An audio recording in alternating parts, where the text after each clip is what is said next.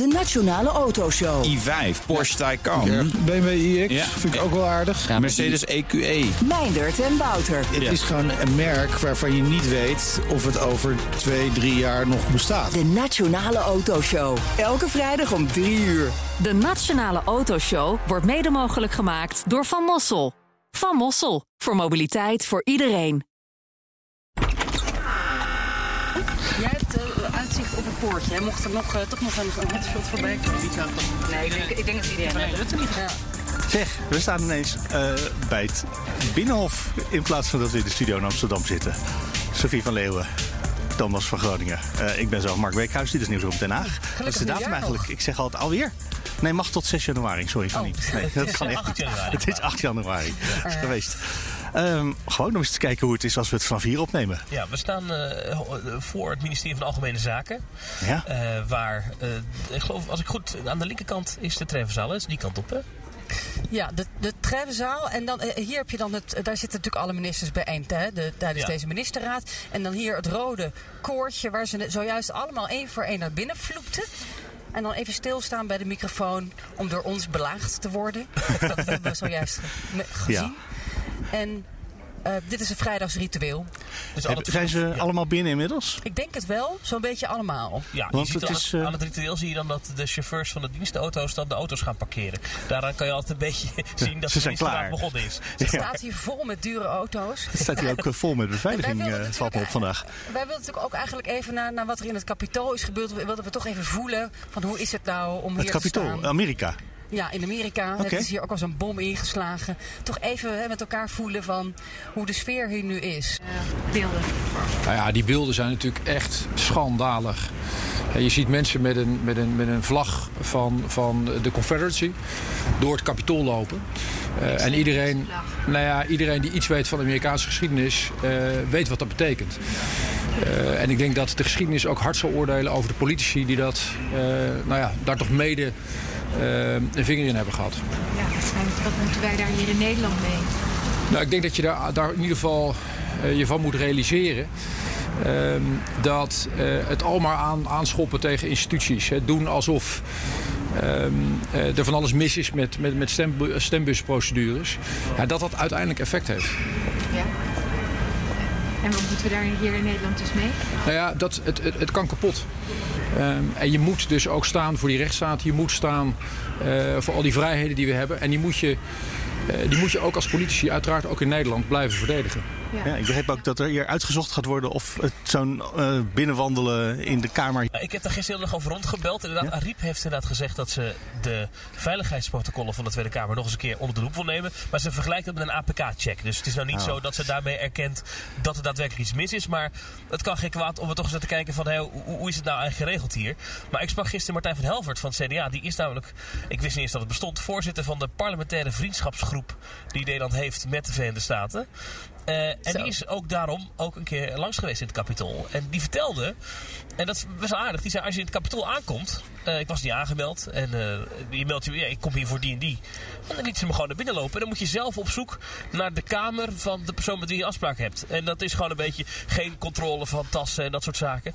Terwijl hij zegt, op het eerste oog zou je dus kunnen zeggen dat de Tweede Kamer betere beveiliging heeft dan het kapitool. Ja, want heb daar gaan we straks naar binnen. Ja. Net bij de ingang. Ik zeg, jullie zijn beter beveiligd dan het kapitool, toch? En toen, daar stonden maar twee bewakers. zijn jullie echt beter beveiligd? Ja, knikten ze. Maar ze, ze lachten er wel een beetje bij, Maar hoor. je zegt Dus- dat er staat toch bijna altijd een stuk of eh, vier mannen met grote wapens voor de deur. Marseille, ja. Marechaussee, ja. Ja. Ja, dus in principe, in theorie zou dat eh, goed moeten zijn. Maar ja, als er dan duizend man op je afkomt... eh, Kijk, en wat ook een groot verschil is. Ik ben zelf ook ooit wel eens het kapitool geweest. Dat is leuk om te zeggen. Maar wat een heel groot verschil is in, eh, met, met het Tweede Kamergebouw en het kapitool. Is dat het Tweede Kamergebouw is opgedeeld in twee delen. Namelijk een publiek deel en een ander deel. Openbaar, beveiligd ja, en een beveiligd deel, ja. Eh, en dat is in het kapitool niet. Dus als je in de Tweede Kamer komt als publiek, bijvoorbeeld voor de publieke tribune. eh, dan mag je het gebouw in, maar dan kan je alleen in een zone waar het publiek mag komen. Dus in de, de Statenhal en de publieke tribune, dat werkt. Maar als je naar de ruimtes wil waar bijvoorbeeld de werkkamers van eh, politici zijn, dan moet je echt door een, een, een sluis heen of een draaideur. Daar kom je niet zomaar. In het kapitool is het anders. Als je binnen bent, ben je binnen. Dus als je in theorie door de rotonda, zoals het heet, die mooie grote ronde hal in het midden. Als je daar bent, dan kan je in theorie ook zo naar naar... eh, Elke zaal na- inwandelen. na- dus naar de werkkamer Ja. van Nancy Pelosi, wat dus ook gebeurde. Ja, en jij en Ja. ik zijn wel echt doorgelicht waarschijnlijk door de IVD. Hè? Jij en ik, om, om die, die pas te kunnen krijgen. Ja. Dus eh, dat is niet zo makkelijk. Ja, want jullie mogen eh, zomaar zonder begeleiding daar rondlopen. Terwijl ik zal aangemeld moeten worden door jullie straks als we even naar binnen gaan om deze podcast af te monteren. Dat gaan we zo doen. Wij mogen Toch? in de wandelgangen. Als Ja. dat lukt. Als, oh, precies. Als het lukt. Ja, anders ga ik buiten zitten. hey, maar we hebben het heel erg over Amerika nu en over de beveiliging hier. Eh jij hebt net bij de inloop, want er- alle ministers zijn zo'n beetje binnen nu, eh, er ook een paar gevraagd. Wat, eh, wat voor reacties kreeg je? Nou, Blok stond hier eh, bij de microfoon. En eh, ook Kaag natuurlijk, de minister. En eh, Hoekstra. Nou ja, eigenlijk allemaal wel verontwaardigd. En nog steeds een beetje in shock van wat daar gebeurd Ja. is. En ook een oproep doen van jongens, ja, dit, dit kan niet een rechtsstaat. En daar moet je voor waken, bla bla. En we hebben natuurlijk allemaal gehoord de afgelopen dagen. Hoe, hoe Nederland hierin staat. Wat wel interessant is... Is dat je natuurlijk ook een bruggetje kunt maken van eh, hoe gaat het dan eigenlijk met onze democratie? Met onze eigen rechtsstaat. Met onze eigen rechtsstaat. Nou. Want daar wordt vandaag over gesproken. Hier op het Binnenhof, hè, in de Treffenzaal. En dan heb je het over de toeslagen, ja, de kinderopvangtoeslag. Ja, dus je kunt wijzen met de vinger naar Amerika, maar eh, er zijn hier natuurlijk ook grote, grote problemen. En daar moet eigenlijk, as we speak, nu een oplossing voor gevonden worden. Maar Eh, is, is het de nou wel rechtsstaat is, is geschonden. Een, een, een president die een, eh, die een verkiezingsuitslag lange tijd niet wil erkennen, is dat vergelijkbaar met een, een, een regering die eh, tienduizenden mensen eh, eh, eh, het slachtoffer laat zijn van, het, hè, van, van, van, in ieder geval een veel te harde fraude, frau- fa- te harde fraudeaanpak en daardoor eh, de armoede indwingt. Is dat, is dat vergelijkbaar eh, qua crisis? Eigenlijk wou je zeggen, dit is veel heftiger. Nou, Ja, wat Zo voelt het, is ja. nog heftiger. Wil je Ja, dat? ja dat, geloof, dat, dat hoor ik wel. nou, oké. Dat, is jullie, dat vullen jullie zo in. Maar, Nee, is, nee, maar goed, je hebt het ook over de rechterlijke macht. Hè? Dus je Ja. hebt het over de Tweede Kamer, je hebt het over de informatieplicht. Je kunt het natuurlijk niet één op één vergelijken. Nee, maar maar wa- ja. wat ik zojuist wel hoor, eh, is, is dat, dat, eh, hè, dat dit wel, wel degelijk inderdaad een, een, van, een, van een beladenheid of een, een ernst is. ja. Ehm, en ook als je het hebt over hè, een, een, een boos volk, mensen die zich niet gehoord voelen. Daar zit natuurlijk wel een, een parallel. Snap je wat ik bedoel? Maar het Met- is, als deze de achterban bewindslieden van het allemaal zo erg vinden en, en, en, en inderdaad eh, het zo'n grote eh, crisis vinden, dan hadden ze toch drie katshuisberaden geleden al kunnen zeggen, we trekken de stekker eruit. Ja, en dat is dus nog niet gebeurd. En of het vandaag gaat gebeuren, nou, ik vroeg het aan een aantal mensen. Sander Dekker hè, van de VVD, die gaat ook over de rechtsstaat. Die wil er niet op vooruit lopen. De VVD wil het eigenlijk niet. Daar komt het een beetje op neer. Die VVD wel in goed zo. Die willen eigenlijk door. Dat heeft Klaas Dijkhoff ook al gezegd. Wij eh, vinden aftreden niet, niet, niet een juist eh, antwoord. We moeten een oplossing gaan zoeken. Dat zegt eigenlijk Lodewijk Asscher ook. Die zegt nee, ik terugtreden als lijsttrekker. We moeten juist aan een oplossing werken. Maar ik hoorde net van eh Sigrid Kaag, de, eh, de lijsttrekker van D66, toch een, een ander geluid. Want zij keek me aan en zegt... Hoe gaat u onze eigen democratie herstellen? U praat zometeen ook over de toeslagenaffaire. Er is iets mis met onze eigen trias politica. Zeer zeker. Ik denk dat dat ook in eh, grote mate is vastgesteld. In eh, uiteindelijk een hele beschamend rapport voor ons allemaal. Ik denk dat het heel, eh, heel belangrijk is dat we daar heel zorgvuldig naar kijken. We zijn in coronacrisis en tegelijkertijd gaat het ook altijd om verantwoordelijkheid en verantwoording. Maar daar gaan we nu ook over praten. En herstel van vertrouwen, burger in de overheid. Ik denk dat dat een grote opdracht is voor één ieder in de politiek en het openbaar bestuur. Dit gaat om mensen. Wij doen dit allemaal voor mensen. Het systeem is niet heilig, mensen. En dit kabinet heeft u daar nog vertrouwen in? Kunt u daar dan mee door? De komende vijf weken. We gaan het erover hebben. De, de rol van D66, hè, eh, natuurlijk een democratische Ja. partij in hart en nieren, is belangrijk. Want zij kunnen natuurlijk ook dreigen. Eh, ze kunnen Rutte dreigen met, op, met, met, met de boel opblazen. Ja, terwijl ik Sander Dekker de hoorde zeggen... we gaan u vanmiddag heus niet verrassen met eh, spannende clu- conclusies. Nee, niet als het aan Sander Dekker ligt. Ja, u gaat vandaag de rechtsstaat, de trias politica repareren, toch? Eh, U praat over de toeslagenaffaire. Heeft u al een idee hoe u, u dit gaat oplossen? Nou, wij gaan het daar zo over hebben. Maar u heeft een punt dat er natuurlijk, als je kijkt hè, naar wat er is misgegaan, mensen die in de knel zijn gekomen, die niet de rechtsbescherming hebben eh, gehad waar ze recht op zouden moeten hebben in een sterke rechtsstaat. Een van de punten is waar we het straks ook eh, met de collega's over gaan hebben. U heeft nog eh, twee weken, hè? anderhalve week tot het debat. Ehm, we wachten op de kabinetsreactie. Heeft u er een beetje vertrouwen in dat u met een goed antwoord gaat komen? Misschien moeten we de, de Rut-doctrine op de schop. De informatievoorziening is natuurlijk ook iets mis mee geweest.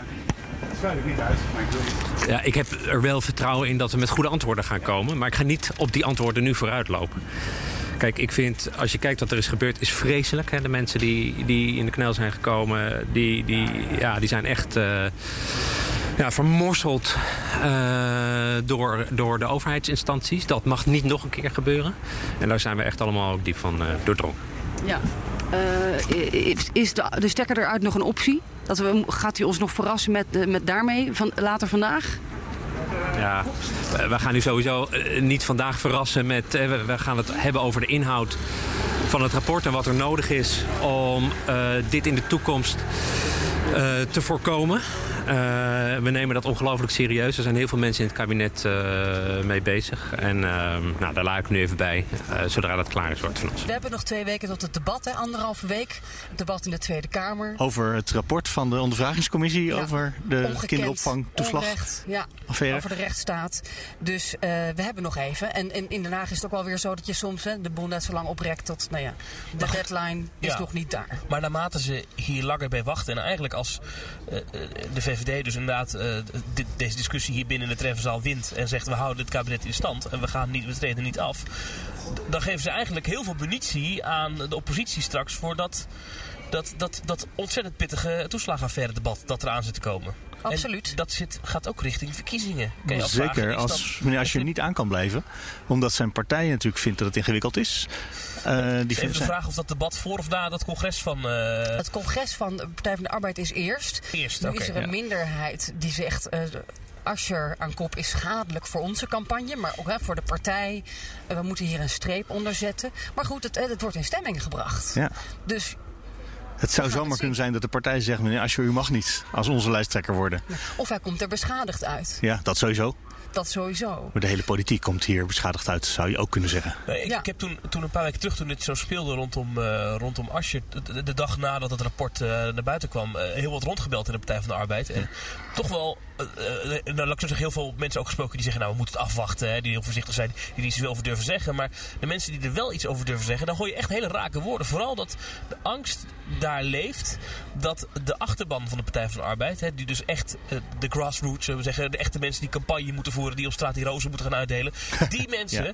dat die eh, straks niet meer eh, ja, in actie willen komen. Omdat, en dat, dat die zeggen, nou laat me even, want dit is, niet, dit is niet de man waarvoor ik wil campaignen. Want dit is niet de politiek waar ik voor sta. Hier willen we juist van af en hier ga ik niet eh, mijn ding voor doen. En dat is wel een angst. En als dat, als dat een gegronde angst is, heeft de Partij van de Arbeid wel een probleem. Want volgens mij is dat bij uitstek een partij die het moet hebben van echt in die wijken, in die steden, die mensen eh, activeren om te gaan stemmen. Ja, terwijl Asscher zegt dat wij zijn bij uitstek een partij om hier een antwoord op te formuleren en om ons hè, verantwoordelijk te voelen voor die oplossing.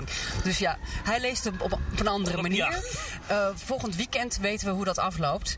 En eh, ja, voor de rest is het natuurlijk zo dat je dus net zag, Bobke Hoekstra eh, eh, ja, is een van de hoofdpersonen. Rutte en Wiebes. Wiebes ook net, die eigenlijk geen zin heeft om in zijn eentje op te stappen. Nou, het rapport legt niet eigenlijk bij één partij eh, het punt neer. Hè. Het zegt eigenlijk dat de hele rechtsstaat heeft gefaald. Alle instituties komen aan bod. En het rapport zegt eigenlijk vooral dat we nu iets moeten regelen voor de mensen. Daar hebben we ook in het reces heel veel over gesproken. Eh, al één stap is bekend. Eh, maar daar zijn we verder ook nog mee bezig. Maar u voelt u niet voor om zelf eh, uw conclusie te trekken en op te stappen? Ach, als het het land zou helpen, ben ik tot alles bereid. Maar weet je, dat is niet de portée van het rapport. Het rapport zegt eigenlijk, we moeten nu allereerst zorgen dat die mensen hun geld krijgen. Dat die geholpen worden, met meer overigens dan alleen maar geld. Eh, maar we moeten ook zorgen, en dat is ook een uitdrukkelijke opdracht van Van Dam. Dat vond ik ook in die eindpresentatie wel heel treffend. Eh, die zei ook heel duidelijk, jullie moeten nu allemaal alle partijen moeten gaan nadenken over wat zij kunnen doen om te zorgen dat dit niet nog een keer gebeurt. En die opdracht hebben we tijdens het reces heel serieus genomen. En daar zijn we eigenlijk erg mee aan de gang gegaan. En daar gaan we het vandaag ook weer over hebben. Ja, die ouders, die, eh, voor die ouders is natuurlijk comp- compensatie punt 1. Maar die zeggen ook allemaal, ik heb verschillende gesproken, die zeggen ja, er moeten wel koppen gaan rollen. Dit kan toch niet onbestraft blijven? Nou ja, dan moet je gaan nadenken welke koppen. Kijk, als ik ouder was, zou ik eh, ook inderdaad meer willen dan alleen maar mijn geld. Ik zou ook willen weten van de regering wat we gaan doen om dit te voorkomen. Uh, ik zou ook willen weten wat we gaan doen om te zorgen dat informatie eerder boven komt. Uh, dat soort dingen zou ik vooral in geïnteresseerd zijn. Maar we gaan het er vandaag weer over hebben. Het zijn natuurlijk de CDA en de VVD die uh, ja, een antwoord moeten formuleren. En, en Kaag, die toch al niet zo lekker staat in de peilingen die heeft niet zoveel te verliezen natuurlijk. Uh, en die heeft al wel een staatssecretaris geofferd een tijdje geleden. Toch snel is afgetreden. Menno Snel. Ja, en dat is een D66er. Dus zij hebben, zij hebben wel het offer gebracht en de andere partijen nog niet. Ja, en dat maakt het politieke spel uh, interessant. Ingewikkelder. En Ja. ja. ChristenUnie heeft ook niet zoveel te Ja. verliezen, denk ik. Die staan al lang uh, op winst in de peilingen en zijn eigenlijk ook niet zo direct Ja. in deze affaire uh, verzeild geraakt. Zou zij nog iets gehad hebben aan die documentaire die van de week op tv was? Eh, dat was natuurlijk een documentaire over Kaag. Bij, eh, nou, de, wat was het, de twee doc of zo. Ja, Eh, kwa- kwam ze daar goed uit? dat waren geloof ik net geen 400.000 kijkers. Hè? Dus nou dat, ja, dat is toch een half miljoen. Ja, oké. Als ik ja. het even afrond. Als die allemaal stemmen, heb je wel zeker een paar zetels. Dat is zeker waar. Ja, Ja. maar... Ja, het was een beetje een bijzondere documentaire, moet ik zeggen. Want de vraag die aan het begin van de documentaire gesteld werd... is, wat bezielt deze vrouw om een, een topcarrière als diplomaat op te zeggen... om eh, naar het Binnenhof te gaan? Die werd eigenlijk helemaal niet beantwoord. Sterker nog, we zagen iemand die het eigenlijk helemaal... Naar mijn smaak, ik, ik kon het niet goed inschatten, hoor... maar dit helemaal niet zo naar de zin heeft hier. Dat idee kreeg ik een beetje. Het is allemaal moeilijk en die Nederlanders die zijn, eh, die zijn gemeen. Want dat, dat, dat, dat, kwam ook een beetje naar voren. En, eh, en, en er zat een, een scène in, die vond ik zelf heel, heel tekenend over de beantwoording van Kamervragen. We zagen het debat, was volgens mij een begrotingsdebat. En dan zagen we haar eh, tussendoor gaan, dan, hè, tussen de twee termijnen, trekken de, de bewindspersonen altijd even terug. Is in het beruchte kamertje. En daar zaten ze dan met, met haar medewerkers. En dan moesten ze de beantwoording van die vragen voorbereiden. En dan zat iemand die, die die vragen maar een beetje vervelend vindt. En zei, het kost dan wel heel veel tijd. En eh, nou, ze krijgt gewoon een briefje, moeten we niet zo moeilijk over doen. En er was een Kamerlid dat bijvoorbeeld vroeg specifiek... wanneer begint deze taskforce? We kunnen zeggen dat ze al begonnen zijn. En Ja. dat is al begonnen. En, Ja, in theorie. Theoretisch begonnen, toch? Ja. Weet je, Ja. maar als dit is de manier waarop iemand omgaat met Kamervragen... weet je, dan, dan heb ik niet het idee dat er iemand zit die dat nou heel leuk vindt om te doen. Zijn daar meteen Kamervragen over gesteld eigenlijk van de week? Want ik dacht, als Kamerlid zou ik me hier best wel beledigd voelen nu. Nou, ik heb wel het, het debat teruggezocht, direct na de eh, documentaire. Even teruggezocht, waar ging dit nou precies over? Ik kon die taskforce niet goed terugvinden, maar wel dat, dat waar dat briefje over ging, ging over een hefboom. En over best wel een serieuze zaak, namelijk een hefboom die gebruikt wordt om te bepalen hoeveel, hoe hoog het bedrag is dat we betalen aan een bepaalde vorm van ontwikkelingssamenwerking. Nou, dat is best een, op zich een belangrijke vraag. Hoe zit het nou eigenlijk met die hefboom en hoe werkt die in detail? En dat werd dan door deze minister afgedaan als nou, nou ja, daar moeten we moeilijk dan- over doen, een briefje. Terwijl dat kan om potentieel om miljoenen gaan. Ja, natuurlijk. Maar, nou, een briefje, niet zo moeilijk over doen allemaal. Maar het was echt een, ja, een, een mooi beeld van de arrogantie van de macht eigenlijk. Hè, van die ministers in die treffenzaal.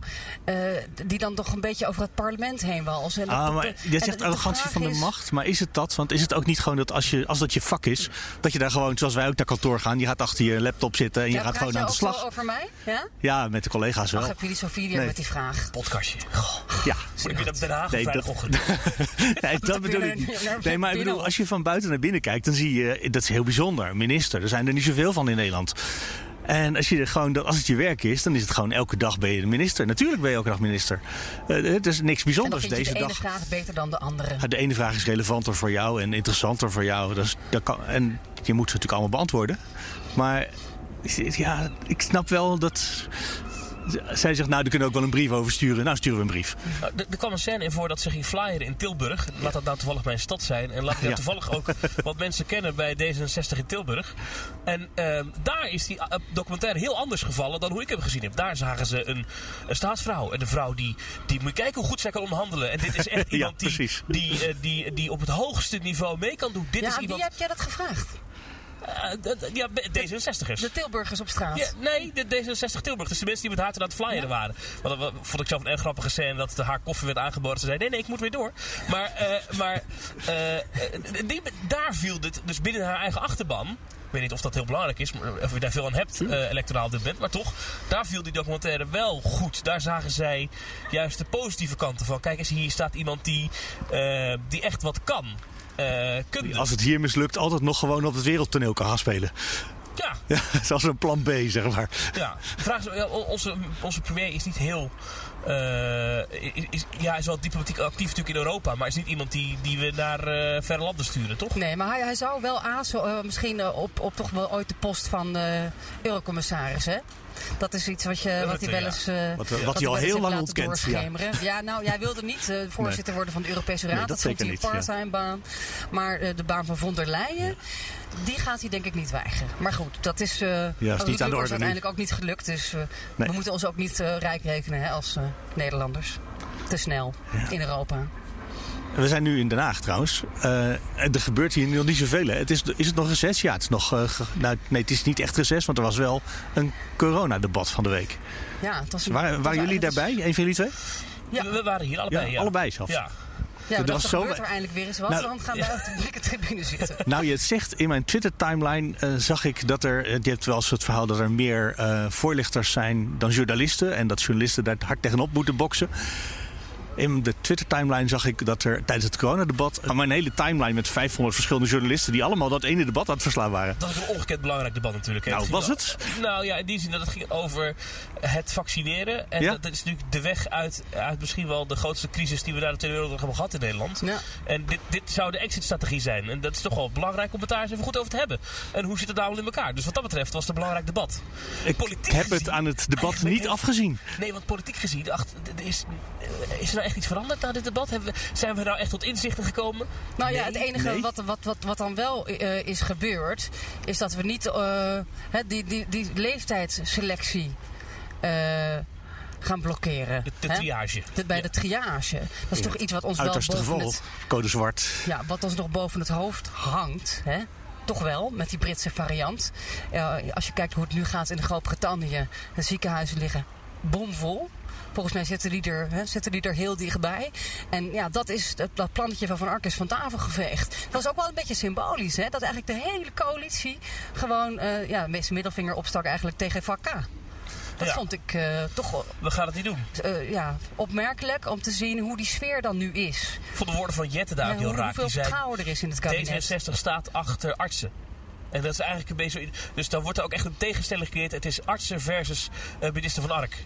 En, Ja, wij en- hebben meer vertrouwen in Diederik Gommers dan in eh, onze minister van, Ar- eh, van Ark. Het, is ook de VVD, het was ook een beetje VVD-pesten natuurlijk. Hè? Ja. Het is verkiezingstijd.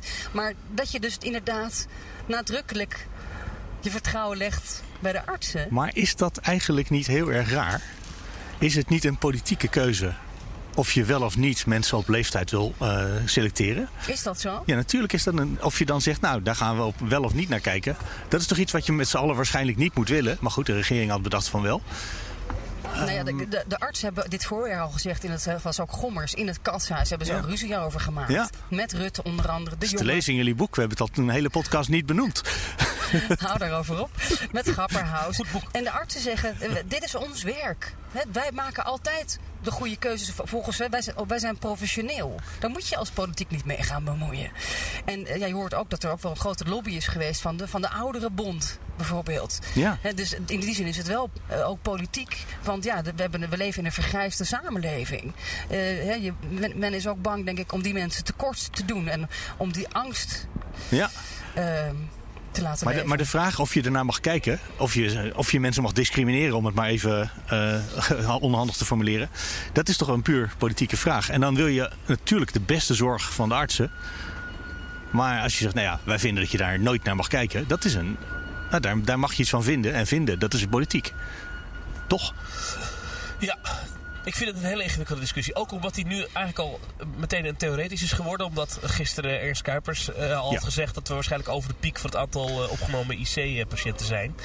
Dus het gaat eigenlijk al niet meer gebeuren ook. Dus dat, wat dat Nou ja, is, dat, hopen we. Ja. Eh, Maar we even zitten voor de uh, De besmettingscijfers Britten zitten in hun derde golf, dus wie weet Ja, dat wij ook een derde lockdown krijgen. Ja, dat is waar. De cijfers nu, we, we gaan nu een beetje zien naar wat, wat kerst en oud en nieuw betekent heeft. Ja, dat horen we dit weekend, als Ja. het goed is. Of althans, we- dat- daar zijn we al... Er hangt ons wellicht nog Nee, iets boven het hoofd. Maar eh, Een lockdown. Of het politiek is, dit, dit is ook een heel fundamenteel eh, iets natuurlijk. Hè? Ook hoe je, dit gaat echt terug naar de fundamenten, vaak ook van eh, misschien wel de, de geloofsachtergrond ook van partijen. En hoe, hoe ver, eh, hoe, hoe je hierin staat. Het is een hele ingewikkelde. Ja.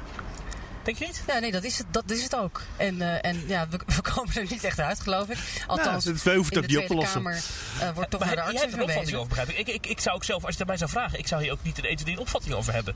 Aan mensen, denk ik op straat ook niet. Ik denk als je gewoon een willekeurige Nederlander vraagt, goh, wat vindt u loten of op leeftijd? Ik denk dat de gemiddelde Nederlander denkt, eh, weet ik veel. Ja. Denk je niet? Wat denken ze ervan aan Tilburg? Nou, ik zal het eens vragen aan D66. We komen erop terug. Sophie, jij zei net, dit is de ministerraad. Maar is het eigenlijk al de ministerraad nu we dit staan op te nemen? Is er niet eerst nog het crisisberaad? En is dat eigenlijk niet nu gaande? Of loopt Ja, dat allemaal in elkaar door? een vooroverleg. En dan hadden we de MCC. Dus we zitten denk ik nu in De MCC is crisisberaad, ja. ja we zitten dus er helemaal over- niet in. Het is aan de andere kant van die muur. Maar En we krijgen een OMT-advies. En eh, de scholen en eh, de lockdown die zal worden verlengd. Dat weten we eigenlijk al. Hè? Ja. De lockdown gaat langer duren. Dat horen we dinsdag in de persconferentie. Is deze week al uitgelekt, ook, ook bij ons. En daar gaat het nu over. En alle details en de Britse variant. En nou ja, de consequenties. Eh, Bobke Hoekstra zei net, ik heb nog geld over. Eh komen is een eh, steunpakketten lopen ook nog tot, nou, tot de zomer eigenlijk. Dus, dus financieel is het niet, niet, een, niet een heel, is er niet een heel groot bezwaar. Scholen is wel een issue, maar waarover wordt gesproken. Moeten die echt dicht blijven? Maar want is jouw inschatting? dat is het probleem. Die, die, eh, die, die steunpakketten, zit daar nog een verruiming in aan te komen wellicht als het langer duurt? Want als, naarmate het langer duurt, wordt de schade natuurlijk ook groot. Dan kan je ook zeggen, dan is er misschien meer steun nodig. Is dat iets, hoor je daar dingen over? Nou ja, Wiebes ook, hè, die, die heeft natuurlijk altijd gezegd: er komen is, de pakketten bewegen mee. Hè, dus Ja. eh, hoe meer verlies je hebt, eh, hoe meer je terugkrijgt. De TVL is al, al verruimd. Ook al- alle SPI-codes, alle, alle sectoren kunnen er gebruik van maken tot 90.000 euro voor de vaste lasten. En verder zeggen ze, hebben ze altijd gezegd, ah, als je er niet uitkomt, dan eh, ga je gewoon voor de doorroosje-regeling. En je kunt altijd in slaap gaan als bedrijf en een deal sluiten met je schuldeisers. Gewoon even stoppen en later weer, en later weer door. Over het verlengen van die lockdown, om nog even terug te komen, daar eh, wordt zelfs een aantal media had het de afgelopen week al over. Dat kunnen we volgens mij nog niet echt met zekerheid zeggen, maar er gaan geluiden op dat er misschien zelfs een verzwaring van de maatregelen in zit. Hè? Dus dat hotels bijvoorbeeld eh, nog moeten sluiten. Ja, ik heb dat nog niet bevestigd gekregen, maar eh, ik denk dat, het, dat, dat we op een heel moeilijk punt staan in deze crisis in de treffenzaal. En de vraag is, als we al in een zware lockdown zitten en eh, de besmettingen gaan nu, gieren nu toch omhoog en we hebben de Britse variant, hè, jongeren kunnen misschien besmet worden, kerst- en oud nieuwscijfers, wat dan? Wat kunnen we nog doen? We, we, hebben, we hebben alles al gedaan.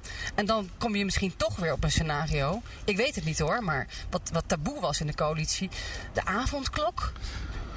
Want uiteindelijk zitten natuurlijk mensen elkaar thuis te besmetten. Vooral, denk ik. dat, dat, dat is waar het gebeurt. Je kunt niet achter de deur handhaven. Wat kun je nog doen om, om erger tegen te houden? oh, ik kan nog wel een paar dingen verzinnen hoor. Maar... Nou, Eén vertel. ding, weet, oh, één Ja? ding weten we wel. De verkiezingen, 17 maart, die gaan door. Rutte is ernaar gevraagd, afgelopen week nog in de Kamer nog. Eh, Wat er ook gebeurt, er zijn verkiezingen. Nou ja, dat, dat is echt een heilig huisje in ieder geval. In die zin, dat, dat- daar wil- men echt niks over zeggen. Ook eh, als je ernaar vraagt.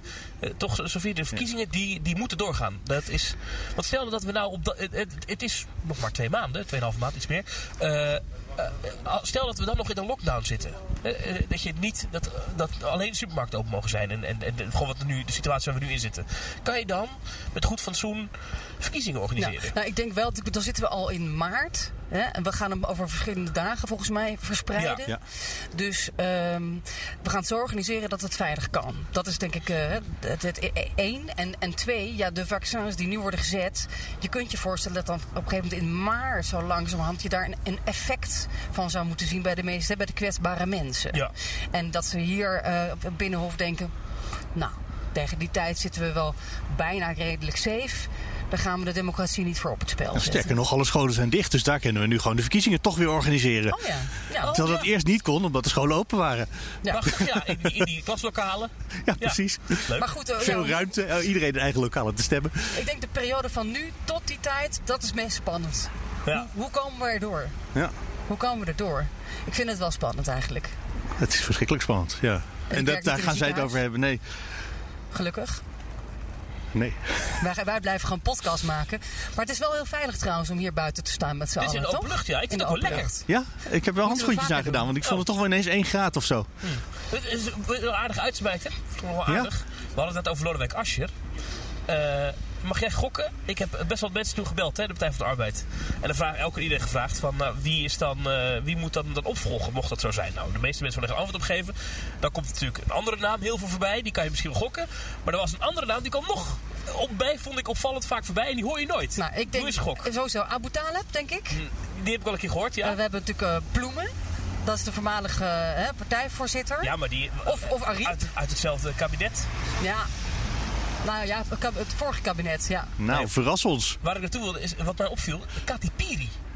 Kati Piri? Ja, die komt naar Den Haag. Dat zou mooi zijn, een, een kabinet met Kaag en Kati Piri uit, eh, uit, van het Europees Parlement. Ja, maar het viel mij op dat, dat een aantal keer, eh, en dat, wa- ik was echt, dat dat, dat genoemd werd, dacht ik, dat is toch een hele opvallende naam. Is die misschien op de achtergrond bezig met een campagnetje aan het voeren of zo? Hmm. Nou ja, dat- Ja, dat moet je nog even bevestigen. Ja, ja. Volgende week in deze podcast. Gaan we nog horen. Ik weet wel dat er nog een andere eh, iemand is met veel ambitie. eh, die ook een beetje als de kroonprins werd gezien. Dat is Gijs van Dijk. Die ook eh, de pensioenakkoorden heeft gesmeten. Een oude FNV-vakbondsjongen. Maar die was zelf zo teleurgesteld dat hij op 9 op de lijst stond. eh, onlangs, omdat die lijst bekend werd. Dat ik me begon af te vragen, ja, hoeveel, jong, hoeveel credits heeft hij echt in de partij? Maar goed, het is, het is een talent. Ja. Ehm, Opties te over, wou je maar zeggen. nou, ik weet het niet. Over lijsten gesproken, hebben we jaar 21 nog helemaal niet besproken. Ach, Nou, dat is ja. prima. De lijst, oké. Doen we volgende week wel. Ja, Doen we een andere keer. Ja, hij is- de komende week is Joost Eertmans een keer eh, de, te gast 's middags in, bij in de middag op de BNR. Oh, dus leuk. eh, daar Nou, gaan we dan ongetwijfeld meer gaan we het erover hebben. Kunnen we ook, nou, dan hebben we ook iets over, over- om over te spreken. Precies. En we hebben weer een persconferentie. Ja, Wie gaat er eigenlijk heen? Weet niet. Ja, Wat je wil? moeten we het nog even over Daar hebben. hebben we het nog wel over. dat is een eretaakje, toch? Mark. Ja. Ah, beter van niet. Hey, ondertussen hebben ze het hele touwtje weggehaald... waar al de journalisten net nog achter stonden... zich te verdringen met de camera's en met de lampen. Eh, de microfoons op de stok... zodat je de minister op veilige afstand kan interviewen. Het is hier helemaal eh, rustig, alsof er niks aan de hand is. En dan straks als het afgelopen is, want dat heb ik me altijd afgevraagd hoe, waarom dat dan is. Dan mogen we ineens naar binnen als journalisten. Maar nu is- mocht dat niet. Nee, dus bij de inloop dan moet je buiten blijven staan achter een touwtje. En niet iedere journalist houdt zich overigens aan dat touwtje, maar dat geldt terzijde. Maar eh, da- dan gaat de deur open straks en dan, dan eh, krijgen we een sms'je. Eh, hoe, hoe laten we dan naar binnen mogen? En dan, en dan de uitloop van misdaad is dan binnen. Ja, dan moet je ook weer een, een zware een, heel- een pas meenemen, Thomas, die heel moeilijk is om te bemachtigen. Daar word je ook zwaar voor gescreend. Heb je die al? Nee. Dit, Ja, nee, want zo nee. goed is dit hier beveiligd, hè? Ja, nou, het ministerie van Algemene Zaken kom je niet zomaar binnen. Sterker nog, ik heb wel eens een keer op de lijst gestaan. Het was op legitimatiewijs vergeten. kwam ik er ook echt niet in. Nee. Dus ik moet dat nog even voor jou regelen. Ik, ik stuur altijd even een appje naar de, naar de, de communicatie dat ik er kom. Oh, Ja, dat werkt. Goed Nou ja. beveiligd. Echt goed rustig in beveiligd. ieder geval op Ja, in elk eh, geval. We komen, ja, we komen ook aan het einde van deze podcast. Dus eh, wil je reageren? Mail naar nieuwsroom.bnr.nl of nieuwsroom.fd.nl. Tot volgende week. Tot volgende week.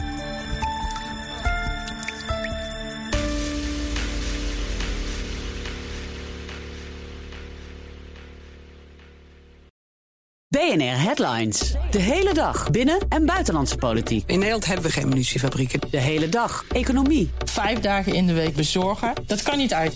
De hele dag technologie. Amerikanen weer op de maan. Heb je eigenlijk geen tijd, maar wil je toch op de hoogte blijven? BNR Headlines. Het laatste nieuws, maar dan in het kort. Ga naar je podcast-app en abonneer je op BNR Headlines.